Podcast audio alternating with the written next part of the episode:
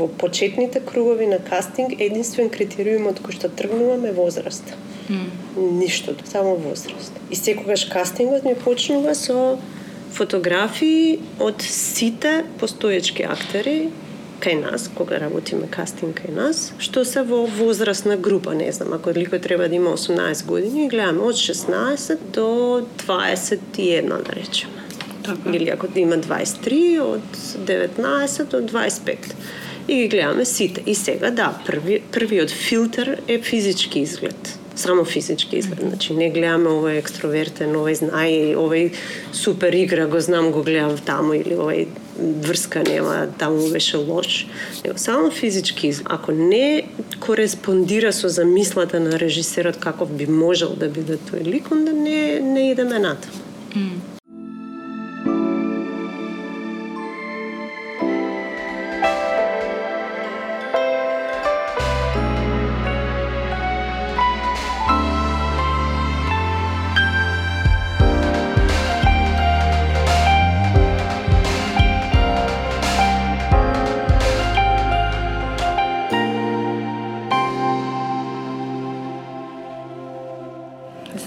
Сите кои што нас слушаат. Јас сум Сара Анастасовска, а вие го слушате културниот подкаст на Сара и Мартин. И ми е огромна чест и задоволство што во оваа епизода имам можност да зборувам со Киријана Николовска, која пред се кастинг директор, а е еден од основачите на Меѓународниот филмски фестивал за документарен филм Македокс. Здраво, Киријана. Здраво.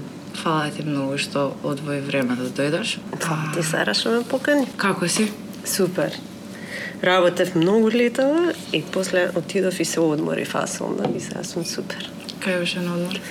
А, на Тасос, во едно малецко место, Алики. Еј, шуга. Идеме таму често со години и така ми е некако а, моето место, тоа за одмор. Супер, супер. Искрено, првата идеја зашто те викнав mm -hmm. беше од една страна многу себична, а може би од друга страна не до толку, зашто целта ми беше да зборуваме најмногу за кастинзите и да биде као еден краток мастер-клас за актери. Така да може би тој разговор ќе биде корисен за повеќе помлади и постари актери кои што научил во текот на годините. Ама, кога сиднав да го пишувам интервјуто, почнав да истражувам на интернет да видам на колку филмови си работела до сега и, и дојдов до заклучок дека немаме ниту едно интервју со кастинг директор.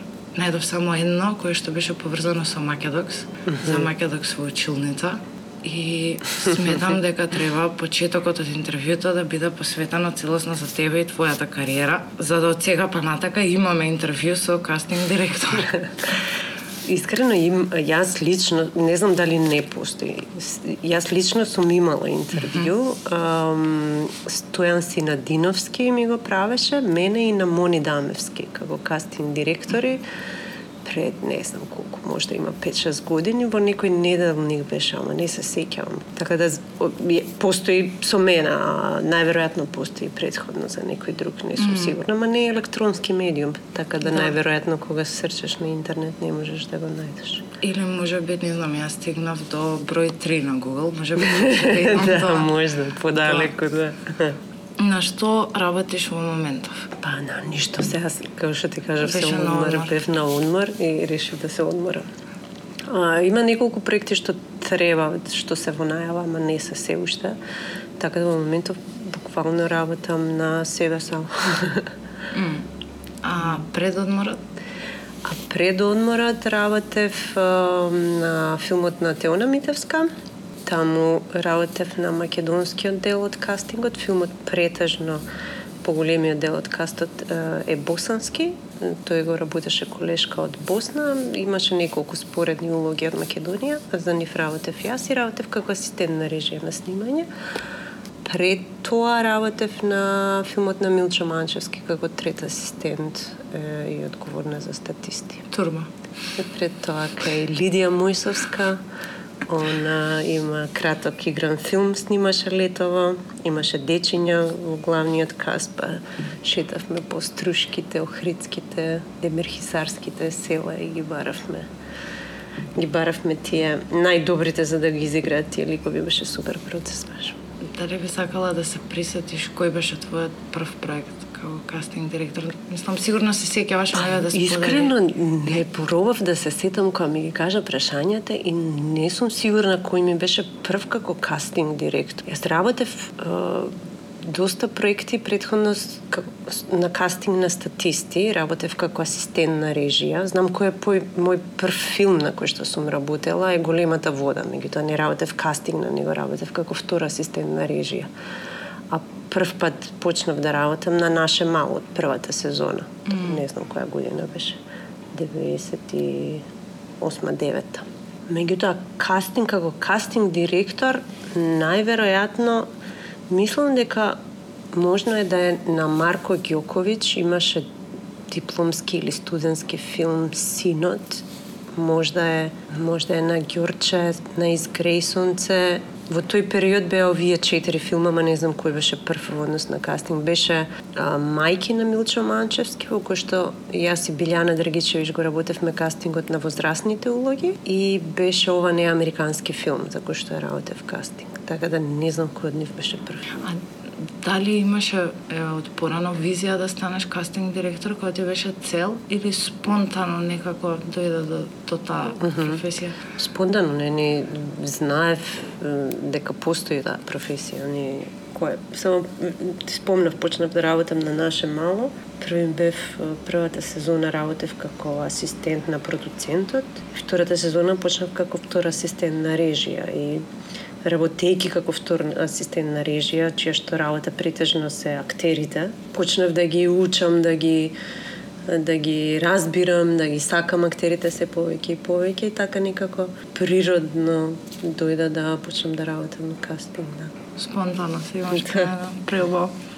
А, е сега, питајќи, еве, се надевам прво дека ќе има луѓе кои што ќе го слушаат ова А помеѓу нив Ако ме не си правиме мој чутија.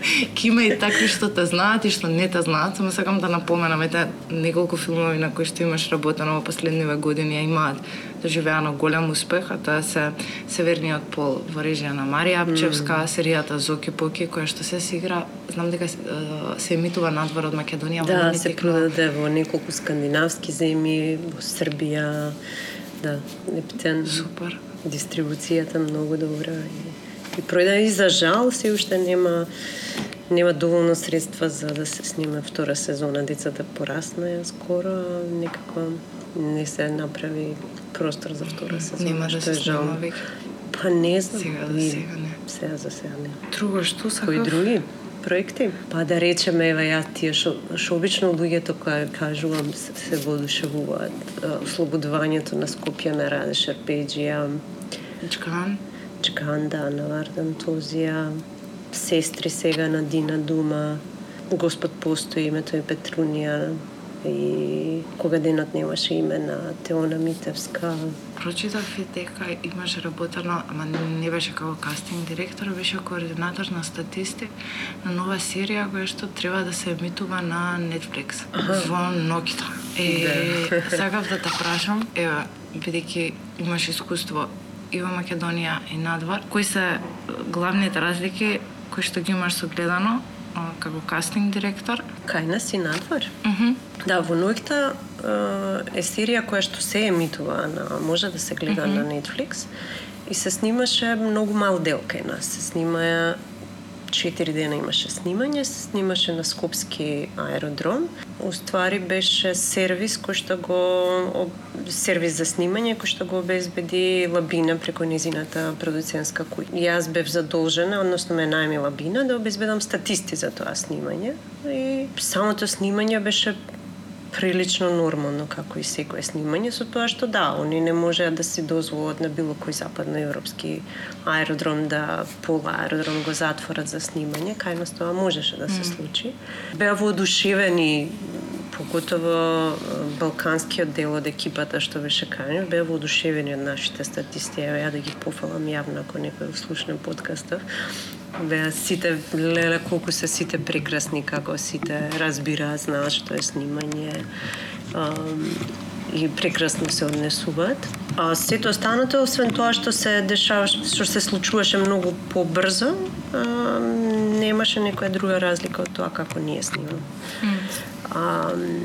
Меѓутоа има и, и различни проекти. Овој проект не е можда показателна на таква голема разлика. Сум работела на други проекти кај што не сум била кастинг директор или пак сум работела на проекти кои што сум помагала на некои други странски кастинг директори. Еден таков проект пред две години учествува во еден таков проект, се викаше Clickbait. Беше серија која што требаше да се беше финансирана од Quibi, американска мрежа која што беше лансирана како пандан на Netflix.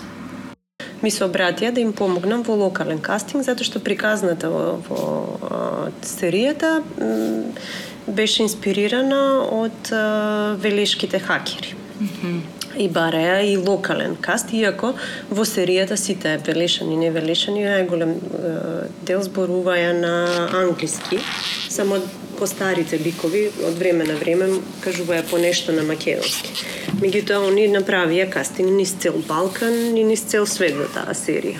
Значи, кастингот е многу поразличен во однос на обсегот каде се прави кастингот. Меѓутоа, се е наменето за англиско говорно подрачје за тој пазар, така да приоритетот се става на на актери кои што говорат на кои што англиски ме мајчин јазик или говорат на англиски добро и сега после се малце повеќе се работи на нивниот искривување, односно да дојдат до некој broken English за да звучи дека они доаѓаат од наше подјеби.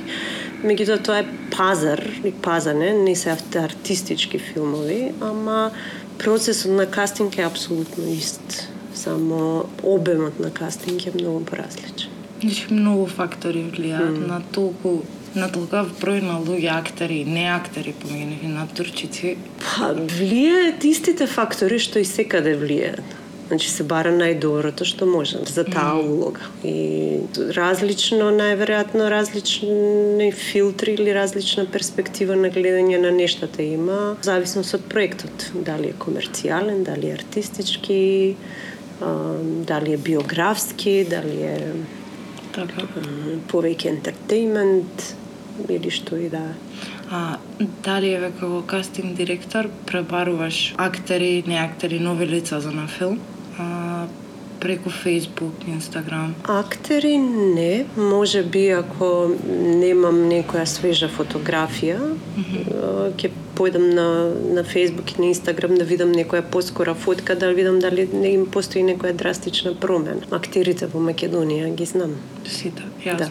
А добро тоа што работа, а на би... туршици, да, работам доста. Mm -hmm. Кога правам повици за секој филм, промовирам огласи на Facebook и на Instagram, се пријавуваат луѓе. Добро, тогаш може би вака ќе го сменам. Има кастинг во Сараево или во Србија и потребно е да најдат актер од Македонија. Има македонска копродукција. Mm. Дали може би тогаш ги користат Инстаграм и Фейсбук профилите? Не знам зошто јас сум обседната во последно време со тоа дека Инстаграмот и Фейсбукот актерите мора да го користат чисто професионално. Не знам зошто, затоа што сум видела изгледа неколку примери од надвор mm, што се такво, mm. такви и тоа ми влијае и си викам, окей, морам да го средам, мора цел профил да ми е со хедшот или не знам што, за некогаш може би 10 години од сега некој ако некако го слушна моето име и се реши да го отвори профилот, профилот да биде спремен.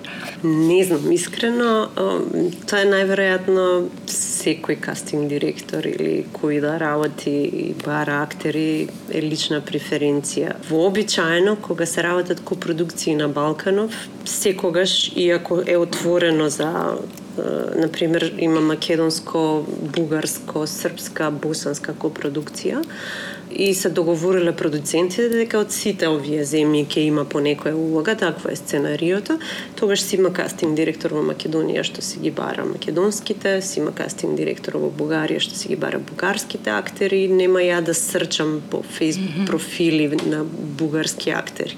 Некогаш нема, ми се случило, не знам, пример, пример за Лазар на Светозар Ристевски, имавме бугарски српска копродукција, меѓутоа српската влезе касно или не знам што беше и така бевме договорени да јас како кастинг директор си ги најдам сите актери без разлика кај се. Знаев колку на пример во слотот треба да има од Бугарија, колку треба да има од Србија. И тогаш барав, ама барав повеќе по театрите, другите начини на наоѓање од колку по нивни лични профили. И лично сметам дека не знам, Фейсбукот и Инстаграмот ти се лични, приватни а, канали. Ако сакаш да имаш своја репрезентација, ќе си направиш свој вебсайт, ќе се зачлениш во европскиве барем и кастинг сервиси, И да, во кои- професионални сервиси. Кои се платформи можеме да ги искористиме?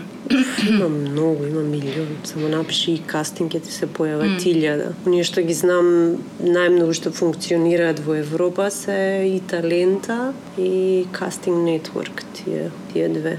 Ама има многу Да, ствари. има не е добро никој кој што се еве не не било која, нек што е веќе пробана. Мм. Некоја тук се е талента знае, спотлайт некој ми го спомна. Да, и. Spotlight британска да работи доста. Али па ги кажам, мислам, може да се случи случајно да да те најде некој, меѓутоа треба репрезентација, треба по нешто првин да те знаат за да може таа маса на на актери да испливаш во некој проект за нешто. Да, мора Или треба да имаш они. такво лице што баш такво бараат во тој момент заради нешто. Што првиот избор е секогаш физички, никој. Или пак се бара име кое што ќе продадат. И онда идеш кај агентите кои што ги застапуваат тие актери кои што продаваат, ама во наше поднебие не постојат такви звезди. Да, ние немаме агенти. Мислам, можете да имате агенти, вие можете да отидете во агенти во Британија Така. и било каде од светот некој агент да ве застапува, меѓутоа не постои таков пазар за да имате агенти кои што ќе ве застапуваат. Не, мислам за кастинг агенти тука, па на пример Talent Agency звона.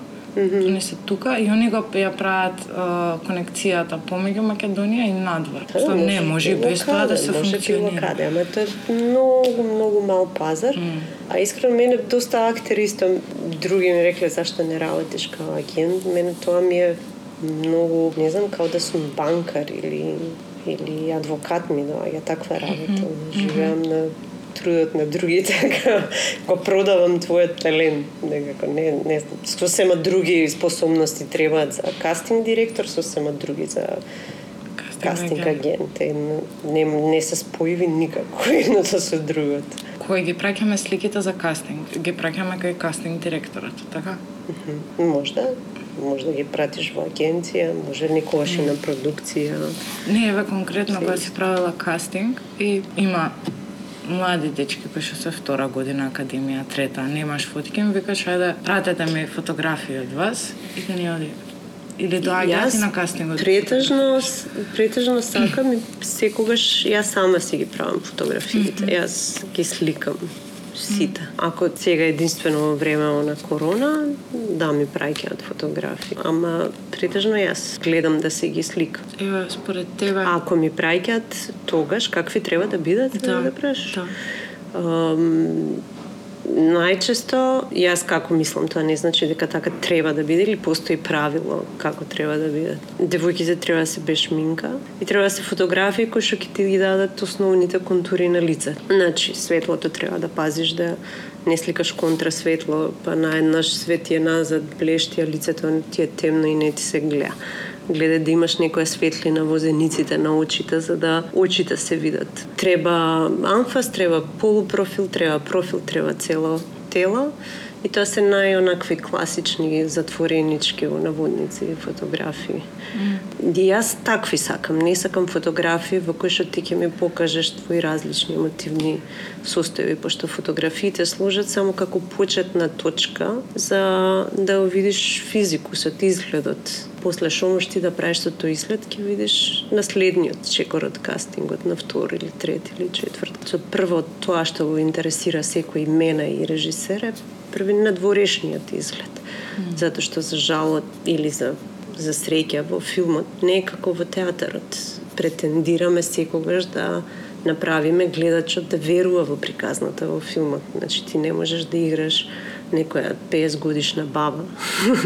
не можеш да играш нешто, ти можеш да играш само некоја девојка што е многу блиско до тоа што си ти. Можеш да имаш емотивна трансформација, ама не можеш да имаш толку голема трансформација како во холивудски филмови, во кои што сад време ќе ти прават маска за да личиш како некоја друга. Нема зошто.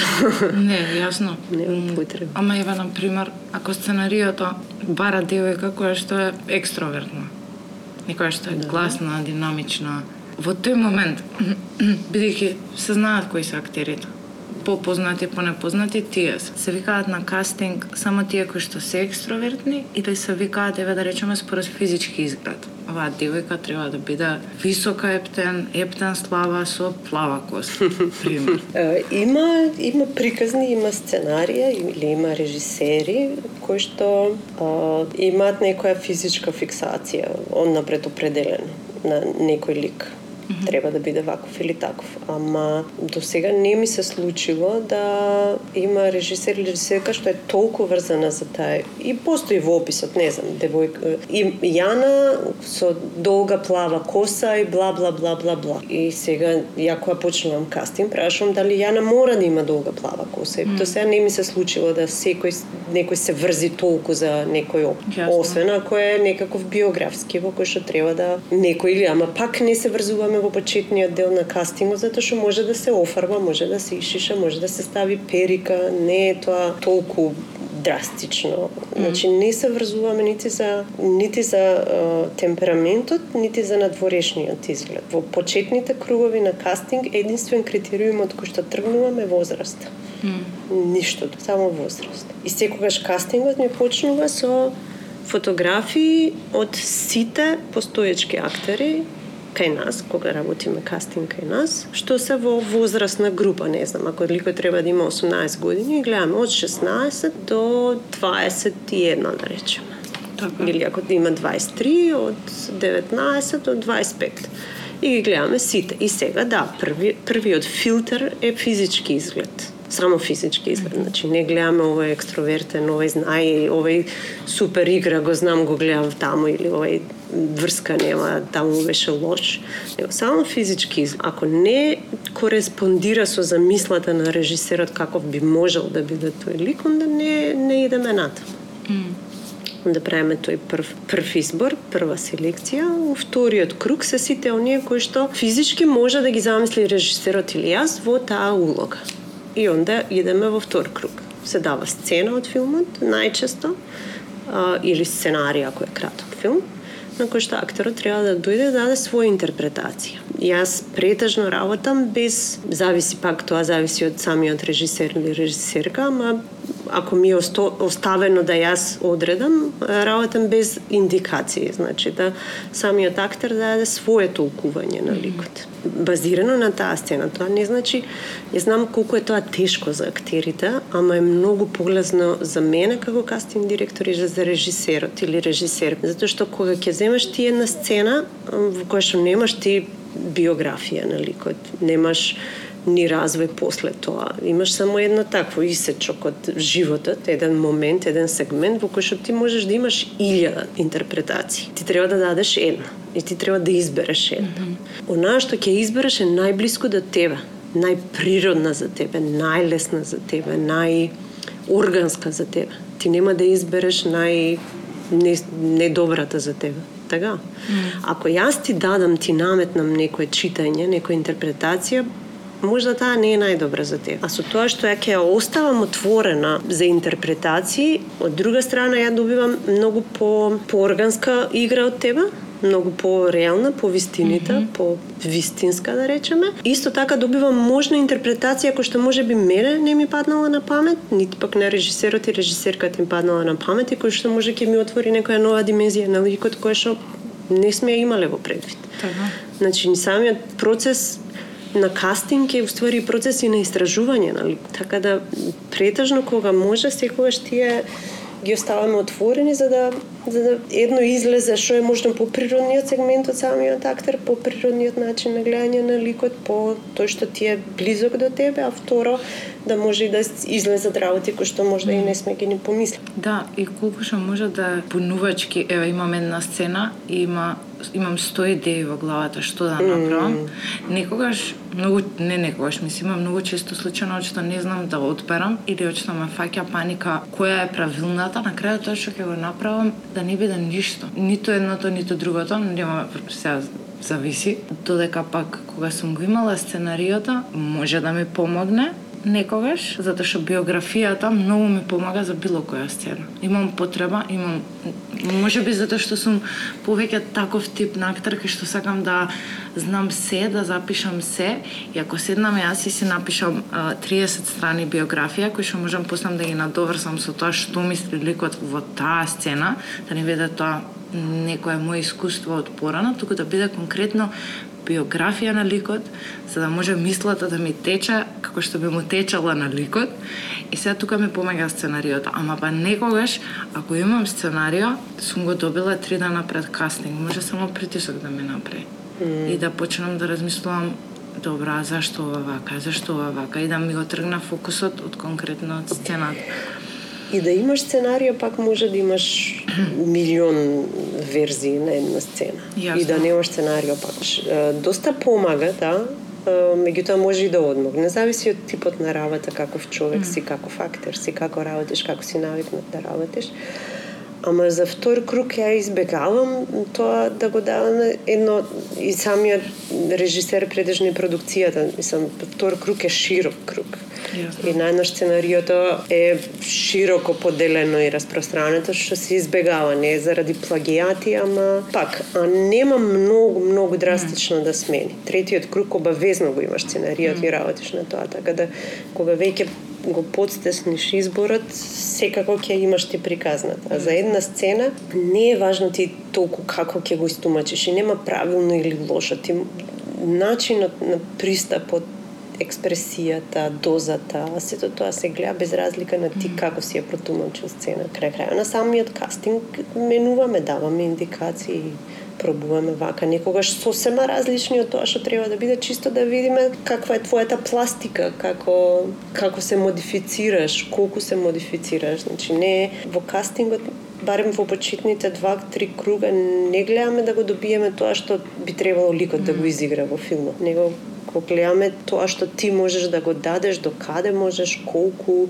колку време ти треба, како и бла бла. Значи да биде актерот отворен за соработка. Да бидеш нај најотворен што можем да. Да слуша и одма да действува. М.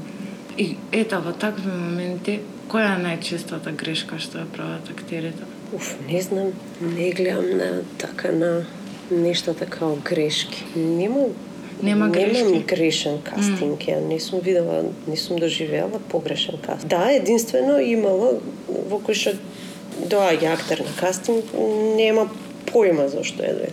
Значи не посветил ни 10 минути да го прочита текстот.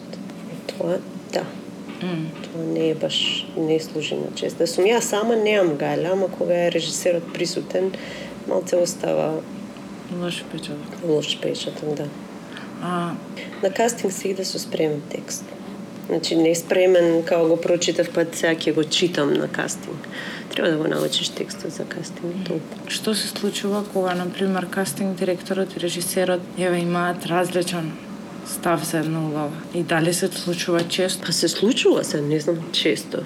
Зависи со кого работиш, да. Не е ни битно често, Да, туку да, што се... се... се случува, да, има различни. Јас мене ми се свија и мислам дека еден актер би изиграл ќе из, ќе има многу подобро толкување на ликот од колку друг, а режисерот смета друго.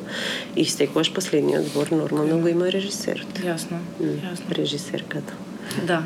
Дали е вистина дека еве ние актерите тука во Македонија сме повеќе театарски глумци отколку, мислам, театарски актери отколку филмски актери. Јас не се согласувам, ама некако 4 години на академија го слушав тоа од постари акт. Моабетот беше како, абе, тука на ФДУ целиот фокус е спрема театар. М. А, игра пред камера не е толку развиена.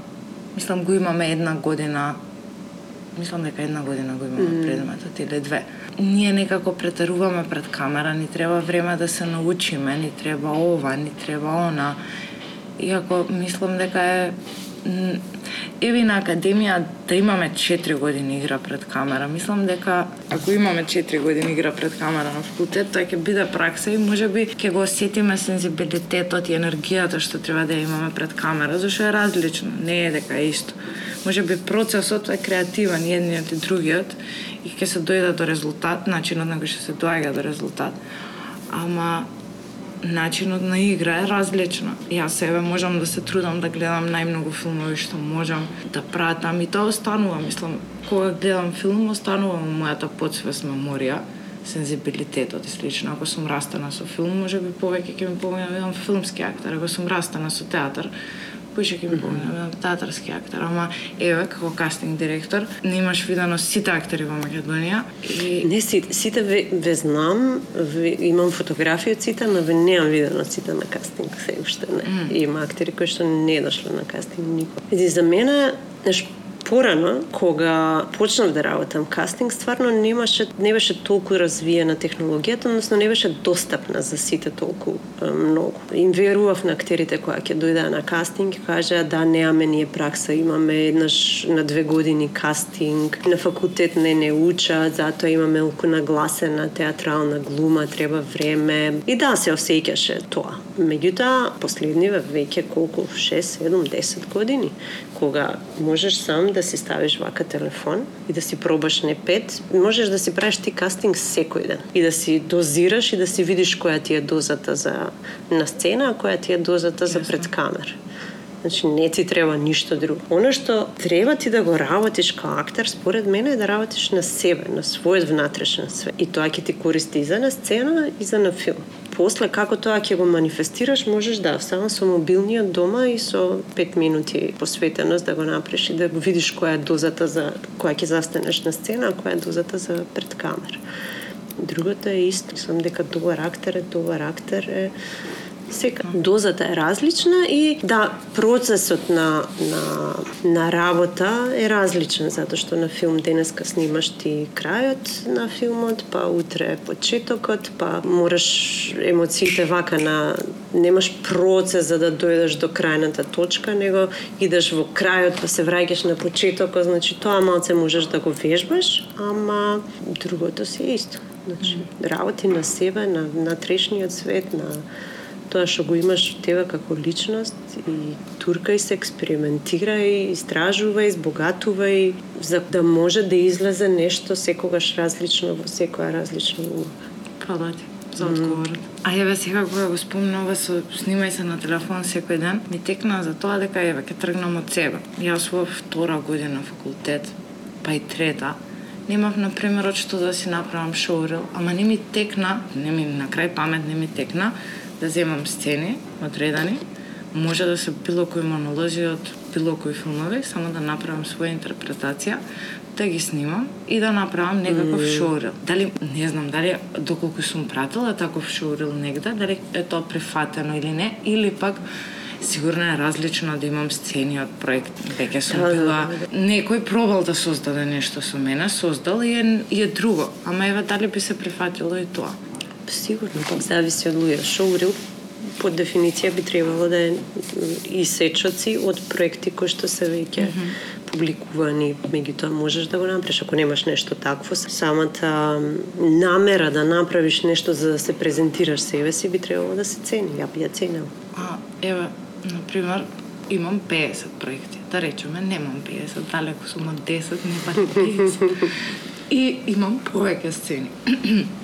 Дали во шоурелот да ги ставам сите, за да покажам дека сум работела на многу работи, или да земам две, тие кои што сум најнормална, и да ги ставам само тие две. Јас, значи пак ќе кажам, све работа на личен избор. Не значи тоа што јас го сметам за добро, дека ќе значи за некој друг кастинг директор. Јас не би сакала да ми изнасецкаш, да ми покажеш дека многу си работела, ќе го видам тоа од CV-то најверојатно твое.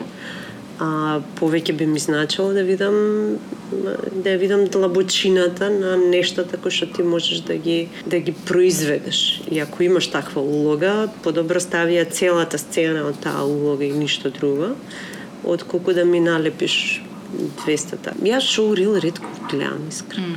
Не, мене ми се шоурилот ми покажува колку ти си нашла добар монтажер.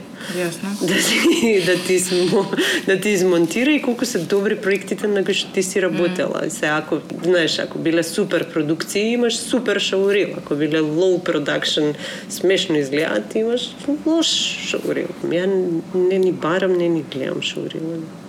Ама знам дека доста луѓе немаат кој кога збориме еве за вакви кастинзи од поголеми размери, немаш како да дознаеш нешто повеќе за некого. Па да, шоури. Јасно. А добре, еве кај нас кастинзите зошто се најчесто затворени? Јас имам да, еден одговор во да. мојата глава. Тоа е дека не знам, еве режисерот седнува, пишува сценарио и многу често прилика има на ум неколку актери. Во овој или актерки, овој, ова, супер со комбинација, може да биде, ама треба да го пробаме тоа. И сака да го испроба да испроба визијата што има во глава и нема потреба да отворам кастинг како веќе предходно. Ама не мора да е тој одговорот и не сакам сама да си дадам одговори, затоа те прашувам. А што, што значи за тебе отворен кастинг? Што е отворен кастинг? Отворен кастинг да бидат викнати, отворен кастинг е да бидат викнати сите кои што се студенти, сите кои што се дипломирани, тазе, постари дипломирани. Имало имало филмови кои што се снимани во последниве години во кои што има улоги кои што се на моја возраст, а има огромен број на актерки што не биле викнати на кастинг.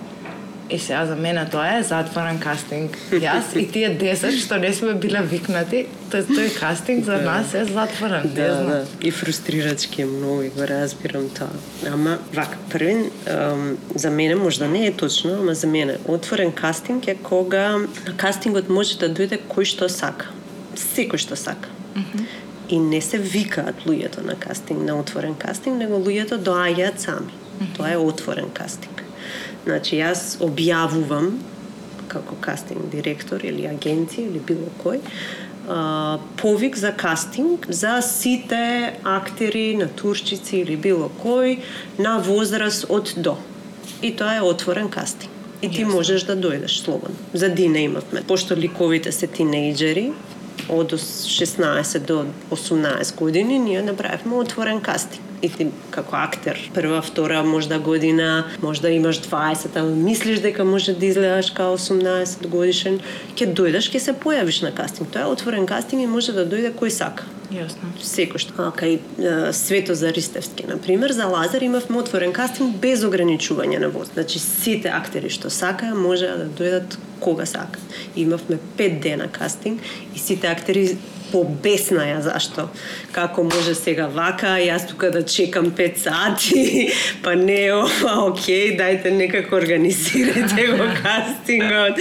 И беше многу напорно и тешко, ама да, беше отворен кастинг. Ја реков после тој кастинг не правам више такви отворени кастинзи, пошто стварно нема сме. Затоа што ништо не добивам јас како кастинг директорот тие. Mm -hmm. Затоа што не можеш ти да посветиш доволно внимание и енергија на сите. Значи што можеш да направиш ти на отворен кастинг? Можеш на сите да им даш сцени од филмот да спремат и да дојдат. Значи колку актери има во Македонија? Има над 1000. И значи секој да дојде минимум по 15 минути да спреми нешто, да покаже нешто, за да има смисла, нели, кастингот, да дојде да го фотографирам, зашто доаѓаш. Така, имам твоја фотографија од пред една година и сега пак ќе дојдеш да те сликам за да видиме колку си се променила. Истата фотографија ќе ја спуштам можда по релевантна од твојот еве ажуриран Инстаграм или Facebook профил. И нема нема смисла. Значи може да се направи, се прави секогаш кога е отворен и режисерот и кога има смисла да се направи. А да дојдете да ве пресликам, да, да за да речеме дека бил кастингот отворен и вие не се фрустрирате, искрено мислам дека џабе ќе правам само лажни лажни глупости се. Значи, непотребно. А јас секогаш на сите актери им кажувам и тоа одговорно го тврдам и ветувам секогаш кастингот, било кој кастинг го почнувам со сите актери од таа возрастна група. Јасно. Со фотографии. Поинаку не може. Зашто се ако има 120 на возраст од 20 до 25 години, има и повеќе актери, зашто да ве терам да доаѓате сега пак? Така, за да ве сликам. А вас 120 да снимате дома се тепови, пак нема смисла. Кога знаем дека не сака да му изгледа така. Значи не сака да му изгледа, не знам, манекенски изглед да има. Значи ти не можеш драстично да смениш својата надворешност. Надворешноста е почетна појдомна точка во секој кастинг. Изгледаш како што изгледаш. Океј. Сака да изгледа наивно, да речеме, ликот. Значи, суштината не е само што сака, него и приказната е таква да мора да изгледа наивно. Ти шо и да правиш, не можеш да изгледаш наивно. Ти можеш да се трансформираш и глумиш и све, ама надворешноста не ти е таква. Изгледаш сигурно у себе. И се зашо да те малтретирам? Мислам, едно те малтретирам, губам на режисерот време, губам на сите времето. Едноставно не е сивота за тој лик. Тука секој актор нова ќе каже, ама Ама од кај да знаеш? видите. Да, знам, ама Ја не, не викам дека ти не можеш да се трансформираш и можеш. Можеш, ама не изгледаш така. Знаеш, на сцена тоа проаѓа, ама во филм не. Да, има различни различни причини во различни филмови, во различни сегменти, ама во глобала се овие. Дали имала ситуација, не знам, ме текна прашањава, не знам со која цел го поставам. А, дали имала ситуација каде што може би еве стабилна за некој лик, овој треба да го игра, режисерот рекол не, овој. И до ден денес знаете дека тоа што сте го посочиле ќе било многу подобро решение за филмот. Океј е филмот и вака, ама кога го гледаш на платно, знаеш дека требало требало требало да биде другиот избор за кој што си се залагала, дали има таква ситуација? А, има, само не би ја ставила во таква категорија као требало. Има, во која што јас се уште сметам дека би, mm. доколку го играл овој актер или актерка, би било дру, подобра игра за мене, или подобар би бил ликот за мене. А, нема апсолутно mm. точно или неточно. Има и обратно. Има во кој што јас сум мислела и сум инсистирала на некоја mm. игра и после која гледам не испаднало така и, и не сум направила добра сугестија, mm -hmm. пошто изборот не го правам. Јас го прави на крај сепак режисерот или режисерката. Јасно. Ама не сум сугерирала добро. Има и такви случаи, да. И не е само, знаеш, не е само кога ќе се согласиме дека некој игра, после постојат и други фактори кои што влијаат на на играта пред камера. Влијае и кога се снима и како се снима и со кого кој ти е партнер многу влијае под какви услови има на проби биле прекрасни изведбите на некои актери на самото снимање не се погаја, не искача, не може. Има секакви ситуации. Жива материја, да, Да. и не може да. Не знам што друго да те прашам. За Македокс пак да те прашам. Да, Те прашав надвор некои работи, а не ги снимив, а баш баш добри. Ако да ќе ги повторам. Македокс да, е, мислам тоа е онака ми е као уште едно дете што сум го растела, сум М. дала ептен, баш си го сакам као дел од мене. Последниве две-три години а, гостев така да расте малце со Порасна други, веќе да, порасна. Не, па нема многу, не е полнолетство, ама така, да видам како е сам. Супер е се појави од исто себични причини, све што правиме значи во животот се себично според мене, да направам нешто позитивно во крајно негативни околности и се најдовме со Бранти Петра кој што има многу слична замисла и почнавме да правиме Македокс фестивалот. Многу набрзо, некако супер се склопија сите работи, се создаде една супер група на луѓе, си ја викавме фамилија, и сите заедно сакавме што е можно повеќе да правиме и повеќе работи, по, подолго да бидеме заедно, така да почнавме да правиме и образовни програми, обучивме доста наставници од основно и средно да користат документарни филмови во настава, правевме докумниковци школа за креативен документарен филм, неколку генерации на млади ентузијасти снимаја под раководство на Петра Бранти други ментори, документарни филмови, патувачко кино по разни реги села, претежно низ Македонија, дистрибутивни проекти за промоција на документарни филмови и така натаму и така натаму. И доста доста убава енергија, доста убави луѓе, доста убави проекти, доста убави случувања. Како ти беше тебе на кастинг, да опиши ми? На Кажи ми, да. Беше на кастинг, се сеќавам за Наборјан филмот um, Happiness Effect. Mm -hmm. Да, како, како ти беше тебе тоа искуство на кастинг? Многу често осеќам, поготово кај младите актери, трема, згрченост, mm -hmm. Желба да покажат, ама не знаат како. Mm -hmm. Значи, цело време се во прашалници на што тоа, треба да направат сега тоа, и како да направат да бидат најдобри. Uh -huh. И не знам како тоа да го да, како да ве ослободам од тој притисок.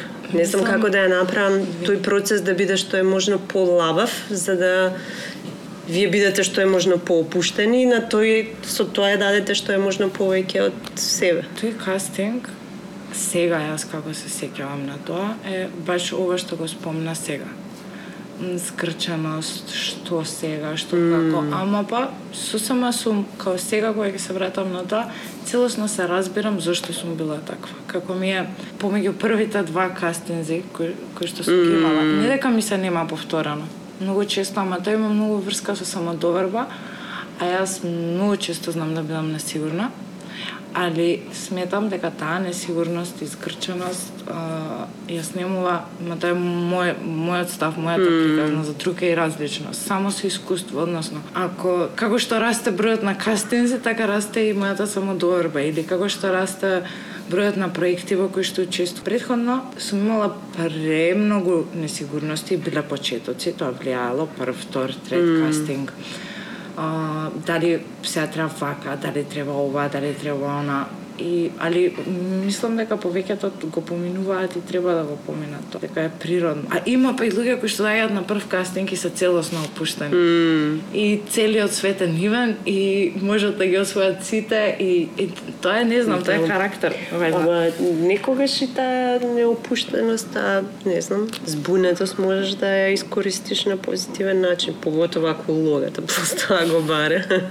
Одлично ќе ти доведе. Ја многу често ми е многу жал кога ќе се замислувам себе си да морам одново и одново да одам на интервју за работа и секој пат да треба да се покажувам и докажувам дека јас сум добра да ја работам оваа работа, би било многу напорно, многу тешко. А од друга страна, работејќи го ова што го работам, исто така, наш, треба да сватат актериве дека, не знам, тоа е као да, ако не не правиш кастинг, ако режисерот не прави кастинг или ако ние не ги правиме кастинзиве, исто као да земеш и ги купиш овие фармерки затоа што се, не знам, си видел стојат на некој друг многу добро. Mm. И нити ги пробуваш, нити знаеш дали ти стојат, нити ништо. Значи можеш да пробаш да видиш кој најдобро ти стоја за да ги земеш тие што најдобро ти одговарат и тие што делуваат највистински за тебе. Тоа е цел процес а знам дека е многу напорен и стварно е многу многу тешко и одново и одново ти да идеш на интервју за работа за да пробуваш да добиеш работа е многу pain in the ass, ама стварно е нужно зло. А нешто што ми има помогнато за тремата, е ќе mm -hmm. го кажам, е така пред идав на кастинг, ги отворав на YouTube и ќе ги отворав Кевин Спейси, Мерил Стрип и ќе ги слушам. Кај парам нешто што кажуваат за кастинг. и имаше Кевин Спейси едно као ама и он го слушал од некој друг актер ага, пред него, се го пренесува. И беше као а, мораш да заборавиш дека е аудиција. Не сме дека е кастинг, дека е аудиција мора да ти е само битно дека ти во моментот имаш нешто да кажеш. Ти влегуваш таму и имаш само можност да да играш толку. Да. Mm. И неколку пати сум успеала да да дојдам до тоа. Ама па имало, ме некој нешто чудно. Имало кастинци кај што сум била сигурна дека сум била добра, ништо. Да. Мала негде кај што сум била ужасно лоша, таму нешто се случило. Да, ама викам не мора да значи дека ти си лоша ако не ја добиеш улогата, дека не си ја интерпретирала добро, дека не си ја изиграла добро. Него едноставно, знаеш, другите фармерки многу повистински делуваат на тој лик и тоа е тоа. Фала ти, Птена. Фала ти тема. Најинтересен ми беше одговорот со што не го добиваме сценаријата. Па мислам дека конечно го разбирам.